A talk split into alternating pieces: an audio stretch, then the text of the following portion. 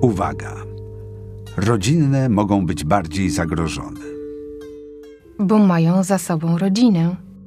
Rodzinne kłótnie, utrata zaufania, rozczarowanie relacjami, spadek lojalności czy wręcz konflikty mogą mieć dramatyczny wpływ na firmę. Może ona stać się ofiarą wojen plemiennych. Równoczesne uczestnictwo w rodzinie i przedsiębiorstwie naraża właścicieli na napięcia, które z kolei przenoszone są często pomiędzy systemami. Doskonale zarządzana firma może w jednej chwili przeżyć trudne do przewidzenia turbulencje, gdy nałoży się na to poważny konflikt właścicielski. Twoja firma dysponuje nie tylko potencjalną przewagą nad konkurencją, równocześnie może być bardziej zagrożona niż inne typy przedsiębiorstw. Przed chwilą ustaliliśmy, że rodzinność jest lub może być wielką zaletą. Ta sama rodzinność może stać się również przeszkodą. Sprzężenie systemów firmy, rodziny i własności buduje pole potencjalnych napięć. Relacje członków rodziny są z reguły bardzo silne, dlatego spory w ramach systemu rodzinnego mogą eskalować ze szczególną siłą.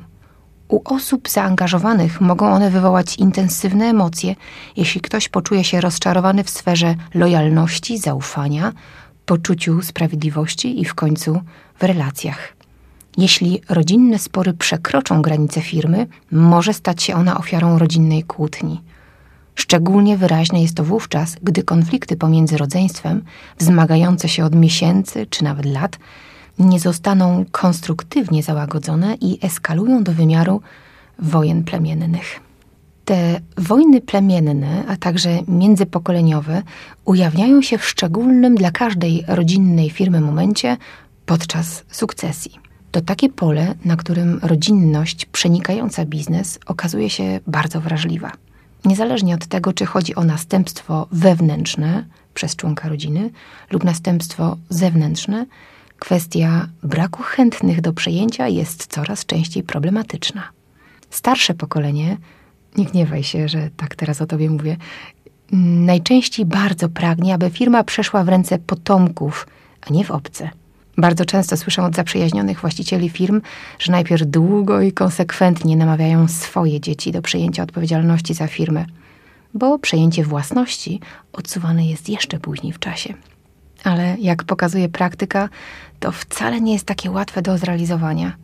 Bo dzieci czasem chcą, czasem nie, czasem czują presję, poczucie obowiązku, a czasem po prostu ich nie ma, bo wyjechały do pracy za granicę. Wtedy często dochodzi do sytuacji przepełnionej emocjami, w której nie ma rozwiązania zadowalającego wszystkich i cokolwiek się zrobi, będzie to złe.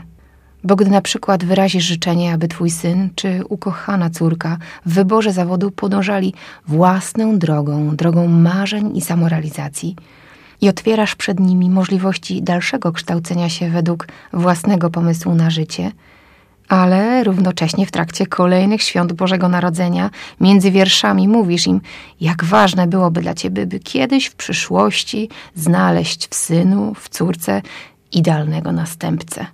Instalacja poczucia winy staje się natychmiastowa. Wówczas oczywiste jest, że powstaje trudna sytuacja. Podejmij samodzielnie decyzję.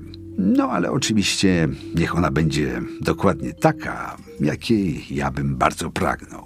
To sytuacja, w której rodzice chcą, dzieci mniej, ale zdarza się nierzadko również odwrotnie. Znam wielu właścicieli firm, którzy mimo dawno przekroczonego progu emerytalnego wciąż czują się w firmie jak ryby w wodzie i nie mają ani chęci, ani pomysłu na to, jak i komu przekazać przedsiębiorstwo. W tym czasie kolejne pokolenie, które, jak łatwo obliczyć, jest już przynajmniej w wieku dojrzałym, znajduje się w coraz bardziej frustrującej pozycji oczekiwania. Emocje, które pojawiają się w trakcie procesu sukcesyjnego, są trudne.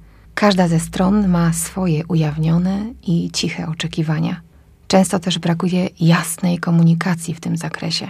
A to, że o jakimś problemie się nie rozmawia, nie znaczy, że go nie ma. Ostatnim obszarem, który firmy rodzinne z reguły powinny wzmocnić, są kompetencje kluczowych pracowników oraz przejmowanie przez nich współodpowiedzialności.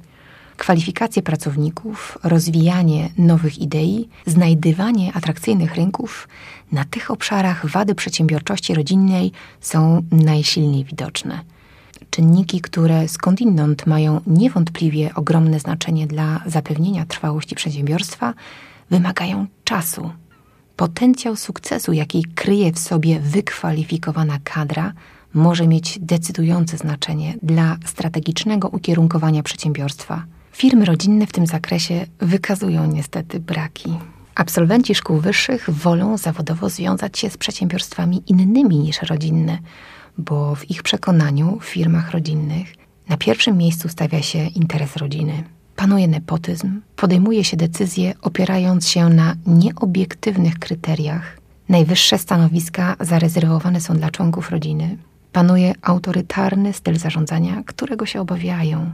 I niestety czasem trudno merytorycznie dyskutować z tymi obawami. Dlatego pracownicy patriarchalnie zarządzanych przedsiębiorstw rodzinnych dostrzegają trudności z przejęciem odpowiedzialności w obszarze zarządzania. Ja w swojej firmie muszę wszystkiego dotknąć sam. Idę na produkcję i sprawdzam. Spowodowane jest to tym, że nasz rocznik ma inną mentalność i inne rozumienie odpowiedzialności. Młodzi ludzie pracują, ale nie czują tej odpowiedzialności, którą ja czuję. Nie jestem pracocholikiem, chociaż żona próbuje mi to wmówić. Ja po prostu czuję odpowiedzialność za to, czego podjąłem się, gdy otwierałem firmę. Ja rozumiem to tak, że podjąłem się opieki, zatrudniając tę setkę ludzi, żeby mieli wypłatę, zapewnione bezpieczeństwo i tym podobne. Jest mi jednak coraz trudniej. Zacząłem korzystać z doradztwa, konsultować się w ramach projektów finansowanych przez PARP. Zrobiłem audyt zarządczy w firmie, w ramach którego przeprowadzono wśród pracowników ankiety, do których jako właściciele nie mieliśmy dostępu, bo były anonimowe. Widziałem rezultat tych badań. Moi pracownicy wypowiedzieli się między innymi o mnie. Pokazało mi to ewidentnie, w jakim miejscu jestem. Powiedziano mi, że osiągnęliśmy dno, tak zwane piekiełko, a ja jestem diabłem w firmie. Chcę za to wszystko odpowiadać, ale nie radzę sobie z tym. Od tego czasu minęły cztery lata i nic się nie zmieniło. Firma sterowana odgórnie, często jednoosobowo, rzadko dysponuje regulaminami organizacyjnymi, które szczegółowo określałyby procesy pracy na poszczególnych obszarach. Nie ma zapisów, które precyzowałyby zakres zadań, odpowiedzialności, obszary kompetencji, a zatem również jasnych opisów stanowisk. W takich przypadkach organizacja ma charakter prowizoryczny i opiera się na zdolnościach improwizacyjnych i sposobach postępowania poszczególnych osób. Oczywiście trzeba przyznać, że spontaniczność i umiejętność odnalezienia się w chaosie jest we krwi każdego polskiego przedsiębiorcy. Zwłaszcza jeśli ten otwierał swój biznes na początku drogi, gdy w Polsce kończył się komunizm. Wówczas przecież to twórcze myślenie, zaradność, decyzyjność były siłą napędową zalążków działalności. Tylko, że te firmy rozwinęły się i dziś ich właściciele nie działają w pojedynkę. Zatrudniają lojalną, wyspecjalizowaną kadrę, zwiększają poziom zatrudnienia, szukają specjalistów, ale co z tego? I tak wciąż sami o wszystkim decydują.